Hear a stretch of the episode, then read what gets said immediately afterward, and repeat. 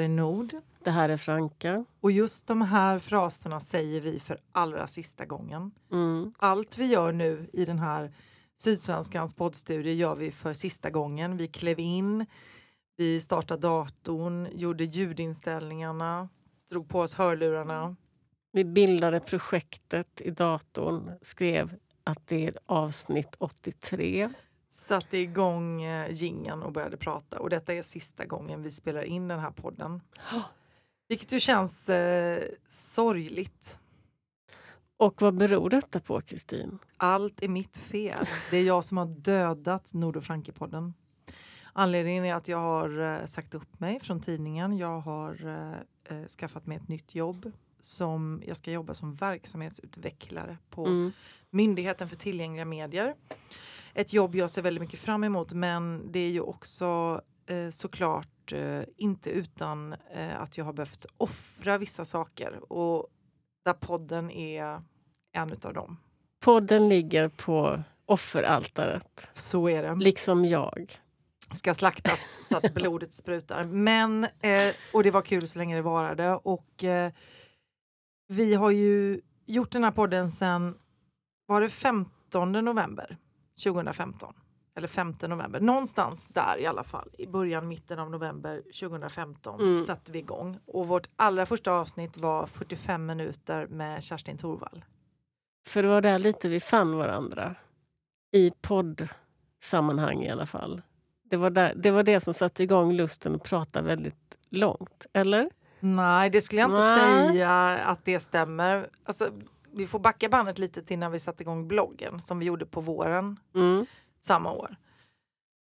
Och då var det väl i en längtan det var dels en längtan att skriva fritt utanför artikelformatet. För att när man jobbar länge som reporter eh, så blir man ju väldigt styrd av de format som finns i tidningen eller på nätet. Och den, det sätter ju också an någonting i själva tonen och anslaget i det man skriver. Mm. Och samma med kritik. Så Ja. finns det liksom väldigt tydligt, eller Mm. särskilt då fanns en formel.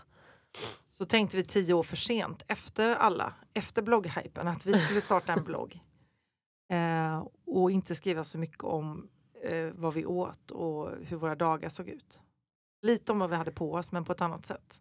Mm. Eh, och eh, då bara satte vi igång. Och då hade vi ju liksom också gjort en analys av vad som saknades. Eller hur? Vi såg ju... um, Ja, men det var det där, när, när vi presenterade idén och eh, fick då motfrågan ja, men vad ska ni prata om då? Just det. Eller Eh, skriva om rättare sagt. Det skriva om. Ja. Eh, så var det ju, ja, eh, kultur i största allmänhet, alla möjliga saker. Saker Tv, film, eh, Mm. så, det som vi, så, böcker, vad vi tänker på. Och eh, stil. Och så lite läppstift. Alltså, så här, Ja. Det här med läppstift kom in väldigt snabbt som en Mm. sån faktor i detta. Men det Eh, var ju för att vi faktiskt brukade, kom på oss själva med att vi ofta stod och jämförde läppstifts, vad vi hade på oss för läppstift, mm. olika färger och kulörer när vi åkte hiss upp på morgnarna. vad har du idag? Jo, det är den här Cerisa från det och det märket. Ett eller- litet glädjeämne Mm. ändå i jobbhissen. Och därför blev läppstiften en symbol. Och vi, hade, vi har haft med dem hela vägen från att vi startade bloggen i vår första sån header som det väl heter, eller hette.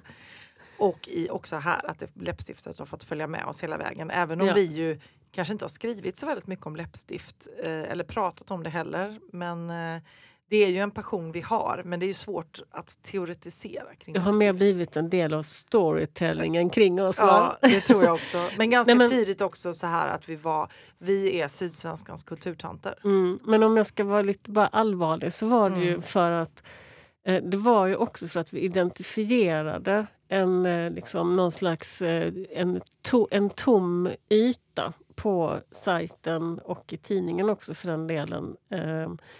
Som var mellan liksom, eh, eh, ja, men det så här väldigt mycket eh, ja, men så här, väldigt mycket sport, väldigt mycket krim eh, och väldigt mycket liksom fokus på eh, så här manligt kodade grejer helt enkelt. Nej, jag kommer ihåg precis det du berättar, att vi möttes av den motfrågan både av eh, eh, liksom bekanta och vänner men också internt på tidningen. Men vad ska ni då skriva om? Varför ska man läsa just er blogg? För då var det, det var ju tio år efter då att bloggboomen hade startat och då var liksom trenden att man skulle skriva om något väldigt nischat. Typ bara maratonlöpning eller ett visst fotbollslag. Mm. Och då var ju vi så här, vi vill skriva om sånt som intresserar oss, punkt slut. Ja, Eh, jaha. men det var ju också att vara ganska anspråksfull på ett sätt som kanske varken du eller jag var särskilt vana vid. Det vill säga att vi, vi tänkte att vi är portalfigurer Mm. och sen kommer folk vilja läsa det för att, för att det är vi som skriver det. Det var ett li, liten attack av, en liten sällsynt attack av hybris där vi fick. Ja, precis. Mm. Och det, i det fanns det väl såklart också en, en feministisk eh, vilja att eh, eh, bidra till något annat än det vi såg fanns. Och jag minns ju till exempel en uppburen manlig kollega som hade gett mig ett tips ehm, som reporter eh, några år tidigare. Där han hade sagt liksom att eh, eh, akta dig så du inte blir en sån som bara skriver om tanter och tyger. Och det har ju blivit en del av vårt manifest. Vi är såna som skriver om tanter och tyger. Och Mm. det kan man faktiskt göra och man kan göra det med djup, elegans och ehm, ja, Hjärta. hjärta. Precis. Det finns, det finns mer där bakom ytan och det märker man när man börjar skrapa på det. Eh, apropå det här, allt det här med läppstiften och Nord och Franke så fick vi ett meddelande eh, igår av en av våra lyssnare som också är god vän Mm. som, som skickade oss en eh, dödsannons och den hade du redan sett i tidningen. Mm. För den kom för ett par dagar sedan i Sydsvenskan. Det är den finaste dödsannons jag någonsin har sett tror jag. Um, nu ska vi se, blädder, blädder. Um, för att det är inget kors. Det är ingen amerikanare. Det är ingen katt. Det är ett läppstift i färg som är liksom sån symbol i den här dödsannonsen. Lyxig guldhylsa med ett rött läppstift i. Kan det vara Dior eller Chanel? Det kan vara Dior, tror jag. Kan vara Yves Saint Laurent också. Det är något dyrt i alla fall. Det är, inte, det är, liksom, eh, det är ett fint läppstift. Det är inte kattskit. Nej. Och detta är en 101 år gammal dam som har dött och som har eh, fått den här vackra bilden som sitt eftermäle i tidningen. Som heter, hette Evy Ovesen och föddes i Skillinge 1918. Och eh, det är fantastiskt att hon är född just 1918. Jag gjorde ett reportage om 400-åringar förra året. Eh, då de ju var 100 år obviously. Och eh, alltså när för, förra året blir det 1918. 2018, jag blandar ihop siffrorna här. Men i alla fall. Och det är ju, det är ju speciellt för att 1918 togs ju det beslut som sen ledde till den allmänna rösträtten där kvinnor fick rösta. Mm. Och ehm, det är ett, jag tänker att det är häftigt sekel som kvinna att få ha varit med om och levt. Verkligen. Född precis när kvinnan får komma ut i samhället som alla andra och rösta. Och sen leva fram till idag. Ehm, den, eh, den utvecklingen för en kvinna. Det var också Mm. lite, det var bara en liten ehm, detalj. Men, men ehm, vad jag gjorde då när du skickade mig den här fina dödsannonsen var att jag gick in i vårt fotoarkiv. Eh, för så gör jag ofta ibland nästan på instinkt när det är någon så här äldre person så tänker jag, undrar om vi någon gång har skrivit om den personen. Och eftersom vi numera bara har ett digitalt arkiv i text som sträcker sig till 1997 Mm. så går jag alltid in i fotoarkivet för där finns det ju äldre bilder och där Ja. kan man ju hitta godbitar. Och det som är fördelen också är att på den tiden skrev fotografen ofta väldigt långa bildtexter. Mm. Så det är ju liksom en guldgruva. Och vad, vad kan vi då läsa om Evy Ovesen? Hon finns med på en bild där hon står i en helt fantastisk eh, Dior-klänning. Svartbottnad organza med vitt mönster. Därför att detta var alltså på den tiden när Sydsvenskan arrangerade modevisningar på dåvarande Stadsteatern, numera Malmö Opera i Malmö. Detta låter som en sån här, nu ska ni få höra barn. Året det tilldrog var sig. 1972. Gjorde vi inte en sån förra podden också? Ja.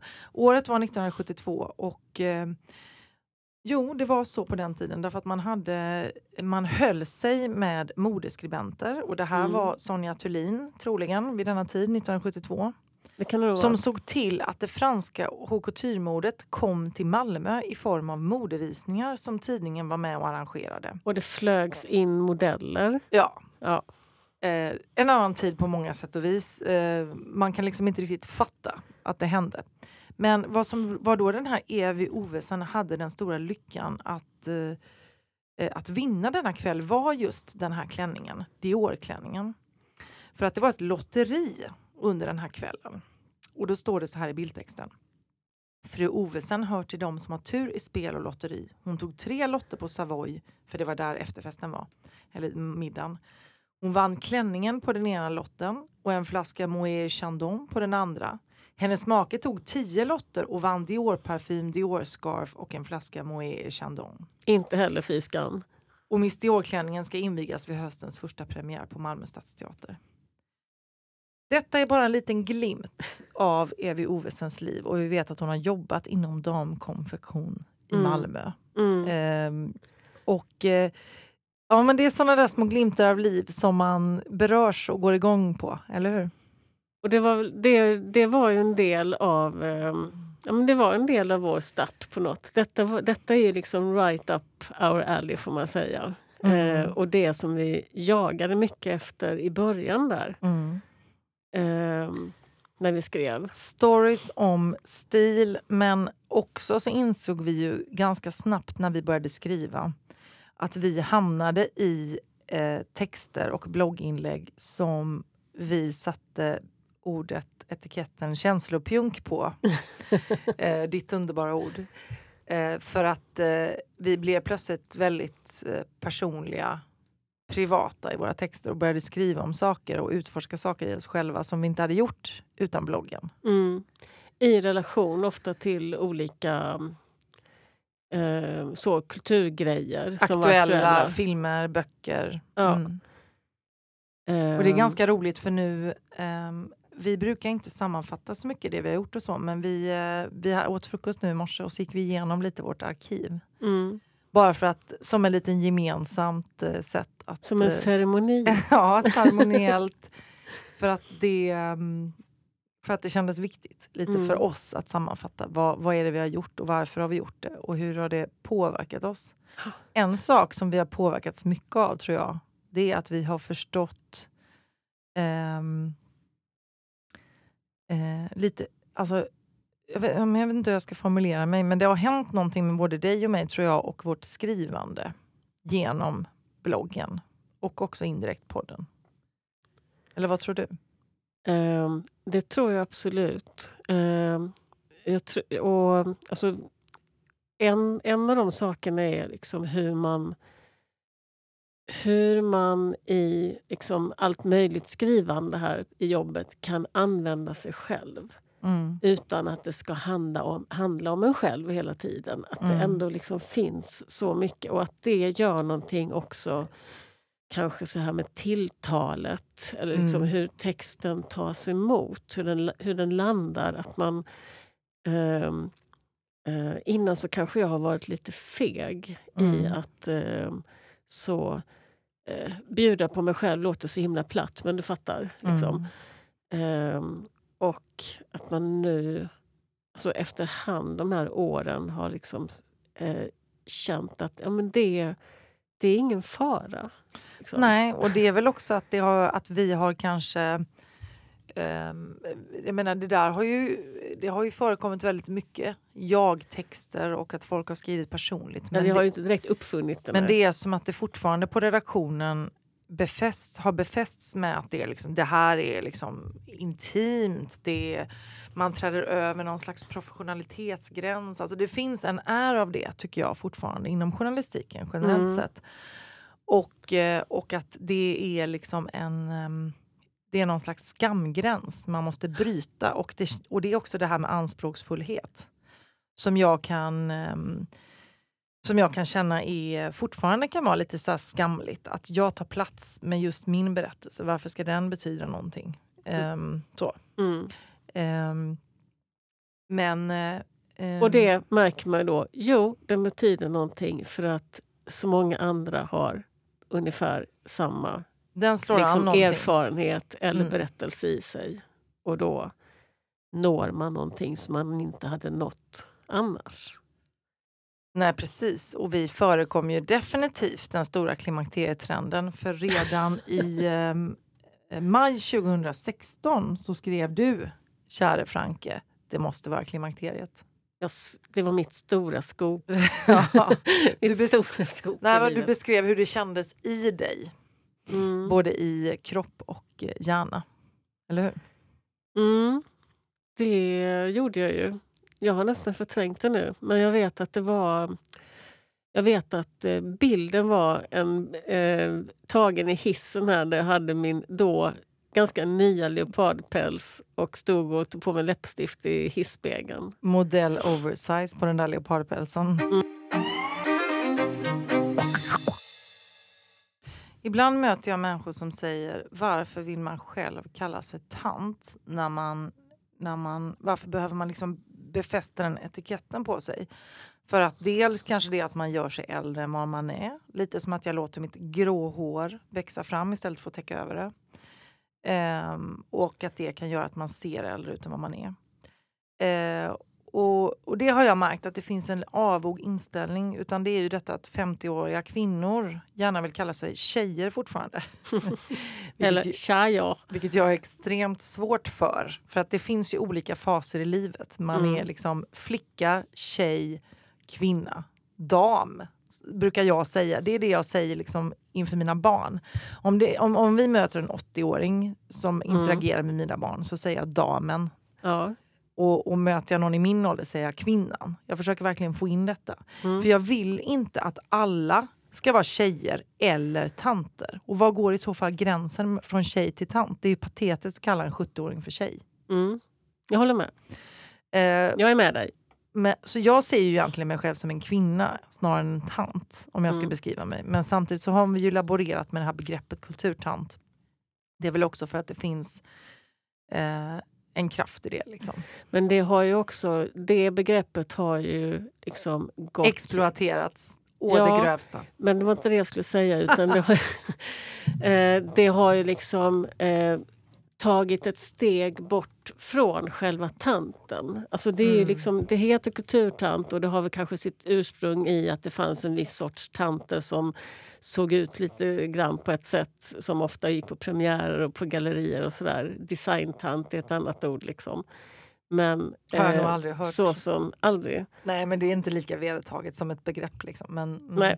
Ehm, I alla fall eh, så är ju det, det är liksom bortslitet från det ursprunget. Det är ju liksom ett större begrepp liksom, att vara kulturtant. Det kan man liksom, det är, alla möjliga använder ju också det i kanske folk i 20-årsåldern. Kan ju Jag, också, ja, jag skulle säga att den vanligaste kategorin som kallar sig kulturtanter är bibliotekarier mellan 30 och 50. mm. Bara, bara Du har gjort en liten undersökning. Mm, Ja, precis, det är bra. Precis. Det är bra, det går grundligt tillväga. Um, nej men jag har också rätt ofta fått höra just det där med tant, tantgrejen. Mm. Ehm, men ehm, nej, det, jag tycker fortfarande är ett eh, epitet väl värt att eh, vårda. Absolut. Jag kommer bära det som den sista droppe vatten genom livet. Ehm, jag tänkte på en annan sak faktiskt som är som hela det här projektet med podden, med, med bloggen men kanske mer med podden egentligen har gett. så här. Ehm, eller några olika saker. Vi har ju, när jag scrollade igenom lite så här vad vi har gjort så insåg jag shit så otroligt många böcker vi har läst samtidigt.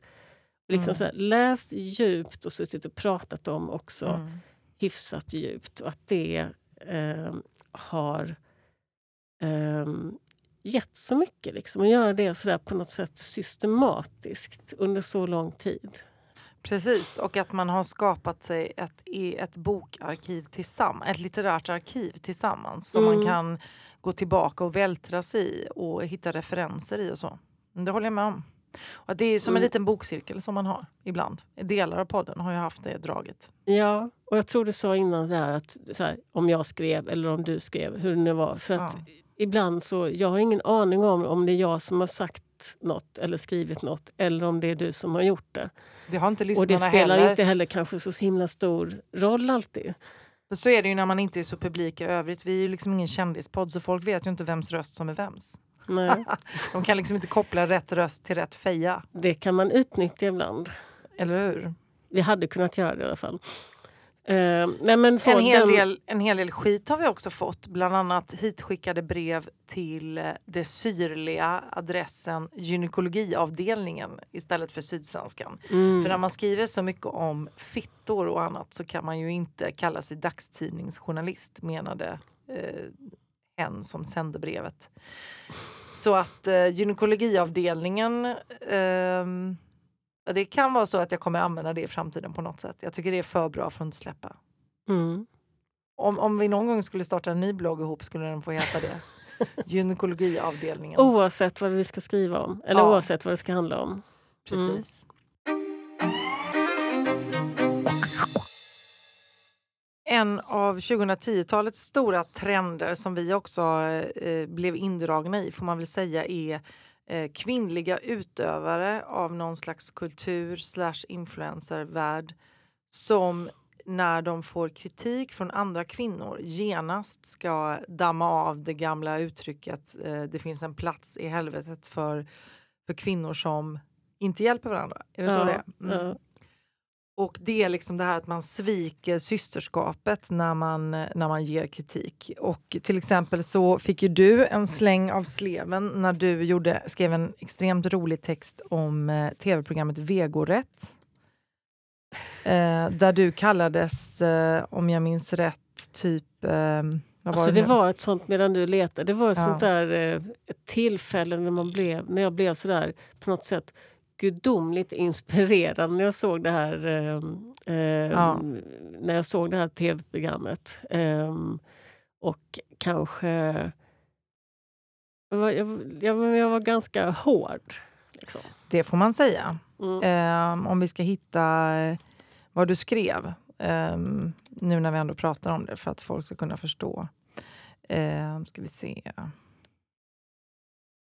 Här någonstans. Um, bap, bap, bap. Efter en halvtimme låg jag i fosterställningen och kved Rädda mig, ge mig kött. Det här alltså, var alltså ett vegetariskt matlagningsprogram.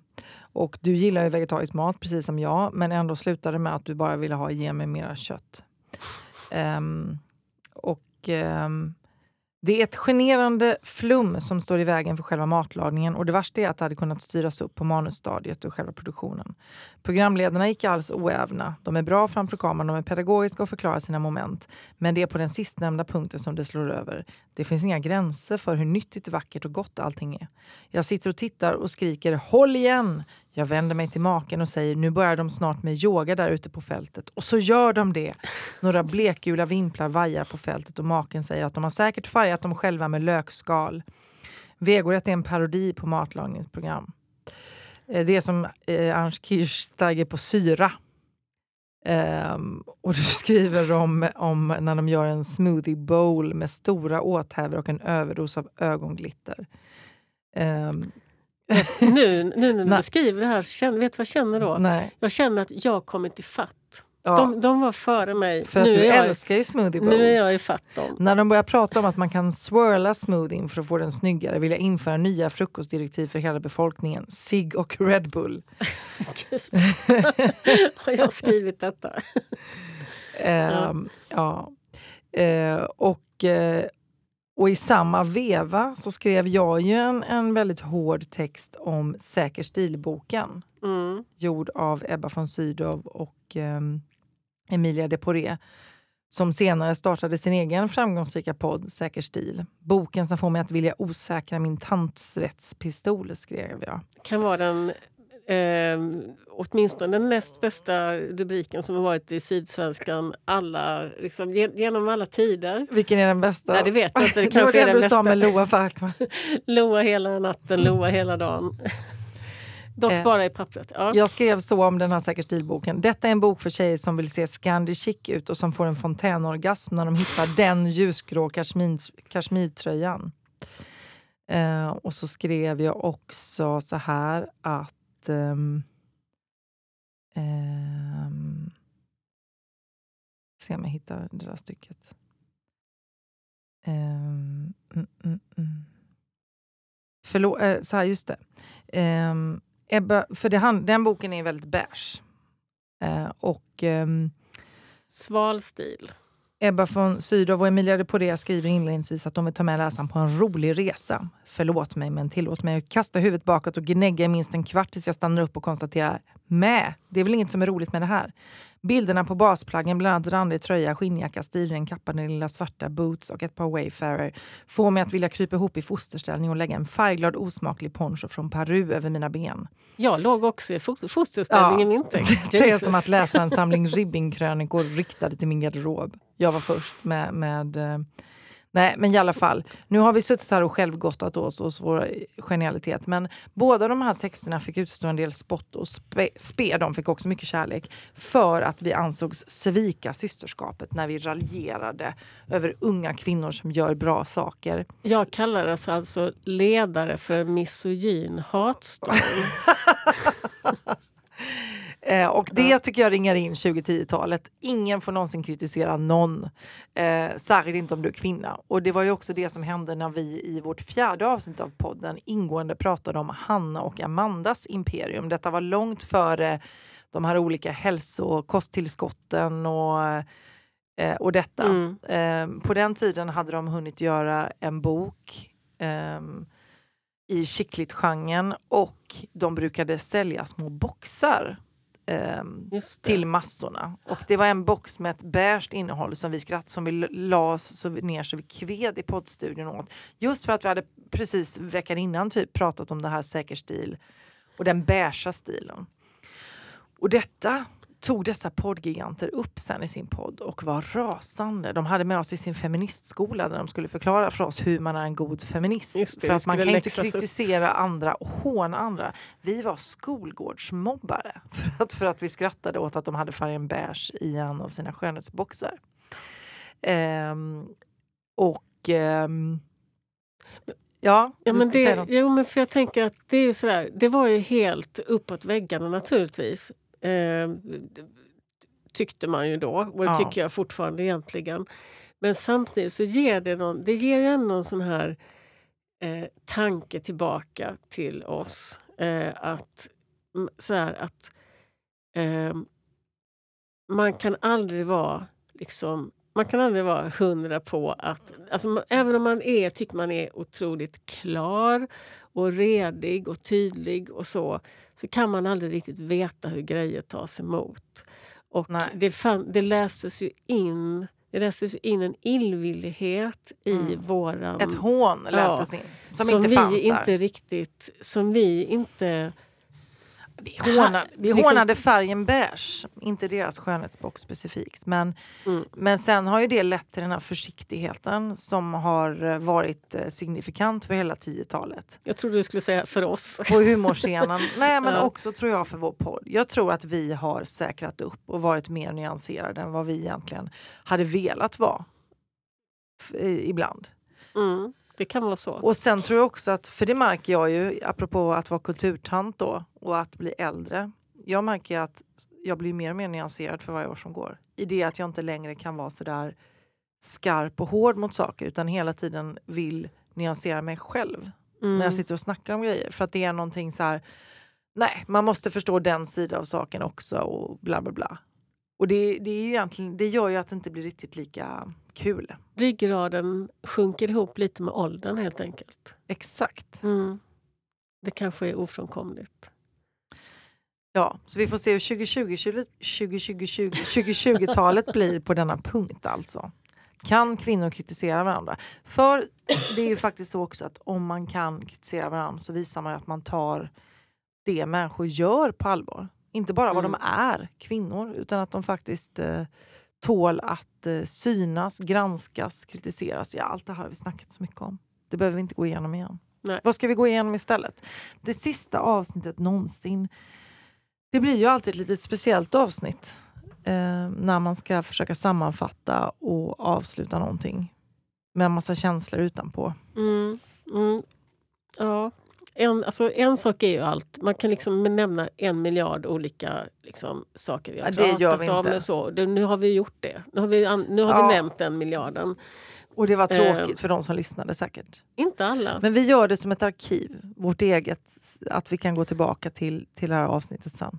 När vi är gamla och grå. mm, men det andra, om man tar ner det liksom på en eh, mer då personlig nivå så är det ju någon slags eh, vänskapsförhållande som går in i en ny fas förhoppningsvis.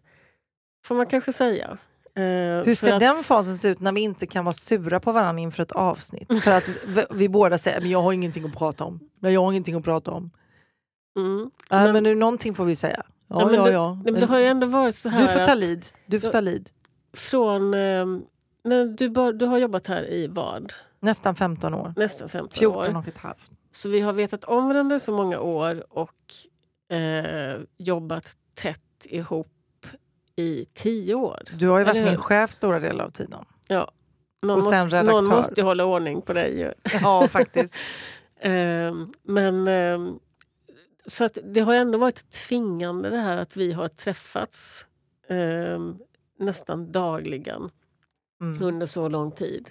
Så vi har ju haft gott om tid på oss att utveckla Mm. då någon slags vänskapsförhållande. Eller inte någon slags, utan ett Mm. vänskapsförhållande. Nu får vi inte det där serverat längre. Nej. Eh, Och det, det tycker Mm. jag... Eh, eftersom du är den som går och jag är den som stannar kvar. Åh. Den som stannar, den som går. Är det Elena Ferrante? Det vet jag inte. Nej. Ja, nej men så då, då tänker jag ju på, för att då blir det plötsligt en liksom, ansträngning att hålla liv i liksom, relationen. Det blir det. Vi Ja. får inte så mycket serverat av Bonnier utan vi får själva fixa det här. Det är bok Eller tre, och, bok tre, Åren mitt i livet. Okej. Elena Ferrante. Okej. Nej, det får vi inte. Pappa Bonnier hjälper oss inte på det sättet längre. Hej då pappa. Men, men, men eh, man kan väl säga så här, eh, vi har ju inte träffats jättemycket utanför jobbet. Vi har ju haft lite vinkvällar då och då. Mm.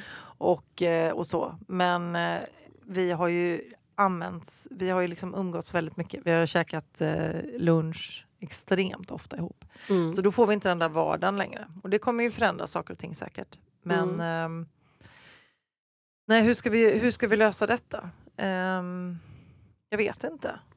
Jag, bo, jag kommer ju jobba mycket närmare där du bor. Vi har ju bott också i varsin sida av stan. Mm. Och vi har inte haft några naturliga träffpunkter. Det är inte så att jag alltid sitter på det fiket där du är på lördagarna.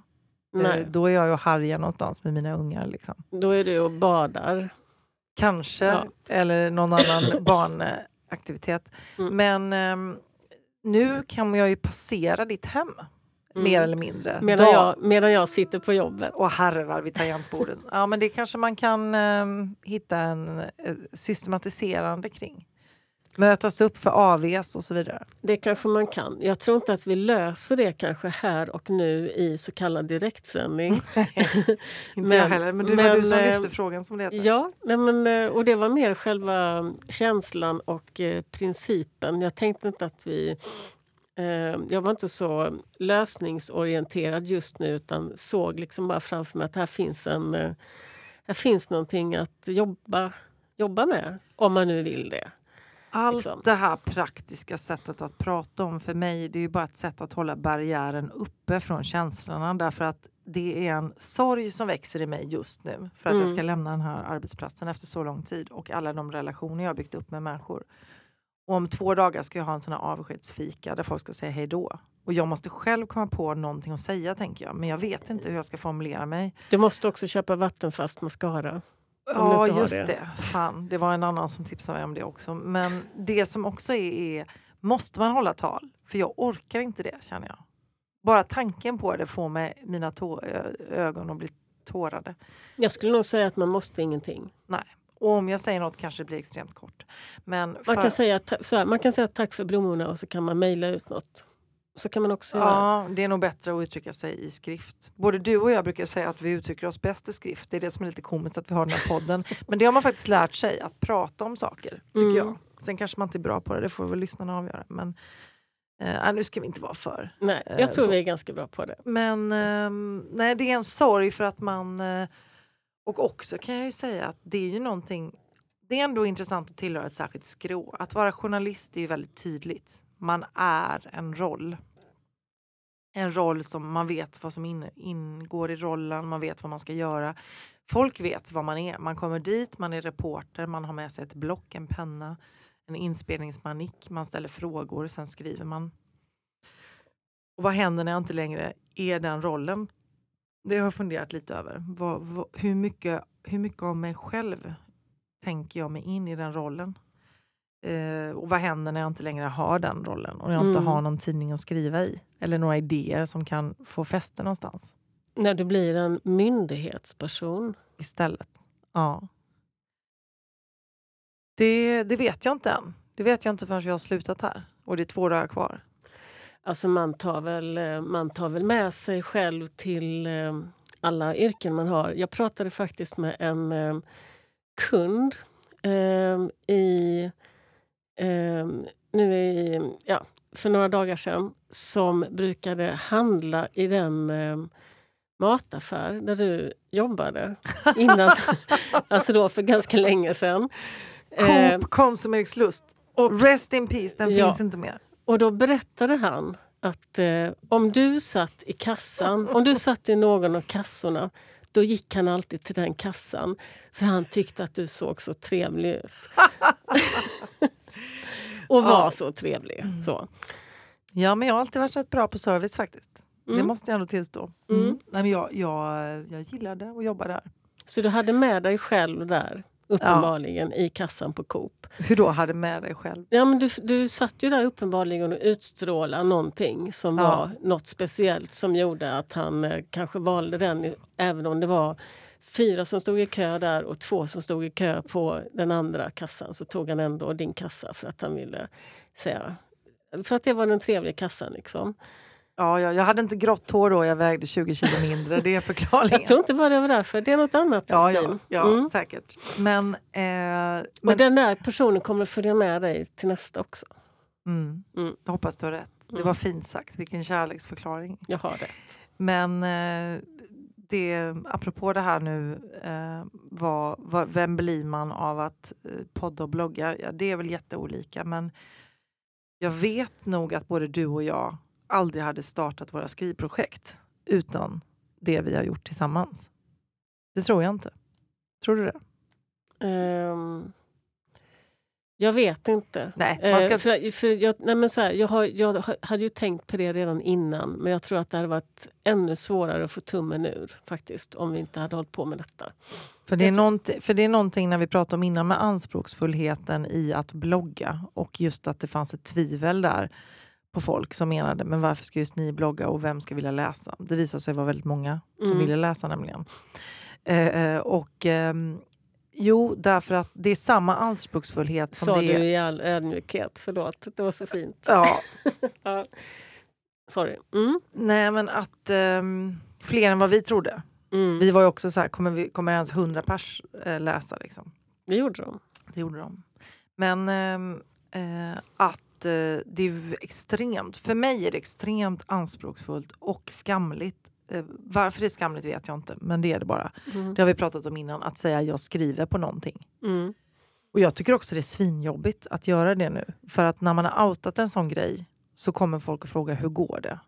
Ehm, och jag tycker faktiskt, jag är inne i en sån pissig fas just nu med mitt skrivprojekt där jag känner det ehm, det ska du ta och skita i. Liksom. Och folk, folk säger det för att de är nyfikna, för att de är, bryr sig om en och allt möjligt. Mm. Eh, men, men själv känner man liksom att eh, man inte har något svar på det där, för jag vet inte.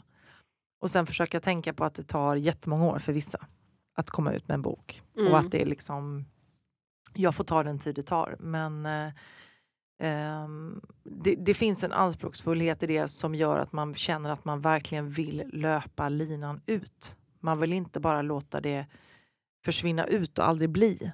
Nej. Där är jag nu. Mm.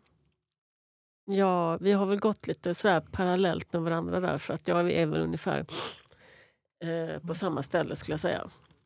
Mm. Ehm, Och hur går vi vidare med det nu? vi kämpar på. Det är så man gör. Det är så man gör. Mm. Hur känner du kring att läsa andra medan du skriver? För det jag känner nu med mitt skrivande då, det är att jag hoppas ju någon gång kunna, kunna skriva en roman och det hade ju varit kul om någon mer än jag läste den. Jag, jag lovar att jag ska läsa den.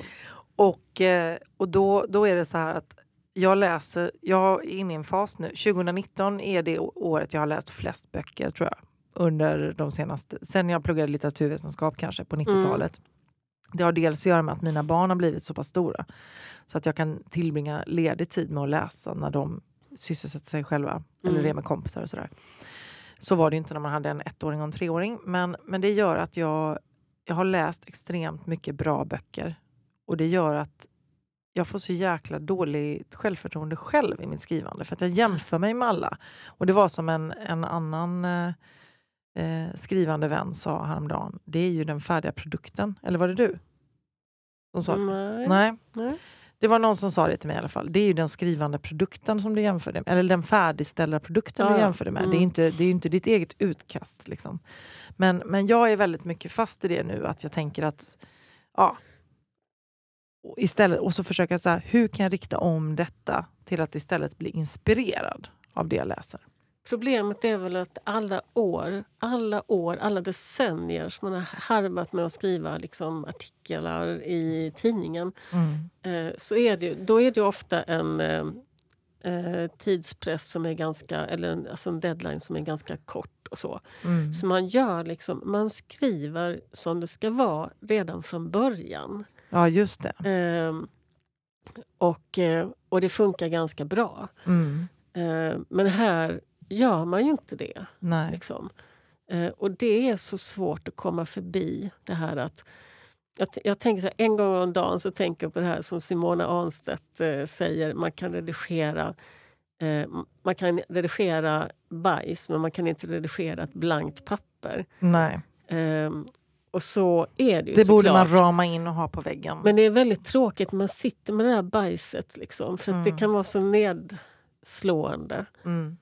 Um, för man tror ju... Nej men jag, jag, jag vet inte riktigt vad jag, vad jag tänker där om den frågan du ställde först. Där om man, där man läser andra. För att å ena sidan så kan det vara så att man läser något lite dåligt så kan man tänka Mm. och det där kan jag göra bättre. Mm. Få en sån känsla. Ja, ja. Även om det kanske inte är sant så kan man ändå gripas av den känslan. Om man läser om någonting väldigt bra så kan det ju vara knäckande för att man inser att det där kommer jag aldrig kunna göra. Eller också, eh, som när jag läste nu, nu under julen så läste jag en bok som vi har pratat om här förr så jag ska inte prata så mycket om den. Men jag läste Monica Fagerholms, äntligen gjorde jag det, eh, Vem dödade Bambi? Mm. Eh, Ja. Och blev helt liksom tagen av den. För att den var ju någonting, någonting liksom helt eget. Ja. Ehm, och ehm, därför, alltså dels, eller, å ena sidan så är det så här, okej, det där skulle jag aldrig kunna åstadkomma. Ehm, å andra sidan är det, shit, så här kan man ju också göra. Alltså, Mm. man, för att den är, den är så otroligt speciell. Det finns inga regler, Nej, som men säger. Precis så. Mm. Precis så. Och det är ju ganska Mm. trösterikt. Liksom. Mm. Ehm, Det är det verkligen. Och det svåraste tycker jag är med skrivande, det är, men det är nog det här som du säger. Det handlar om att sitta och harva och harva och man är van vid att få en snabb respons från eh, en chef, en redaktör eller en läsare. Och Mm. vissa saker man skriver i tidningen känner jag ju också att det här är bajs. Ja. Eh, Men sen kommer det nya artiklar att skriva och då kan man lägga det bakom sig. Men det jobbiga är att harva med någonting under lång tid och det är väl det Mm. man är ovan vid som, som varande reporter. Men, ehm, eh, och jag har också läst någonstans att det är väldigt vanligt att man skriver typ 50-100 sidor och man är jätteinspirerad och sen, Mm. sen fastnar man. Liksom. Och det, är det är då lite- det börjar. det, är då, det är då det börjar på riktigt för då måste man ro det i hamn som Mm. det heter. Mm. Mm. Men vi kämpar på. Nord och Franke-eran går mot sitt slut. Vad, vad kom du fram till? Vad skulle det bli för ersättare? Bord och Franke, Feyenoord och Franke, Mord och Franke? Du vet, det har varit lite körigt här i jul så jag har inte riktigt hunnit eh, tänka på det.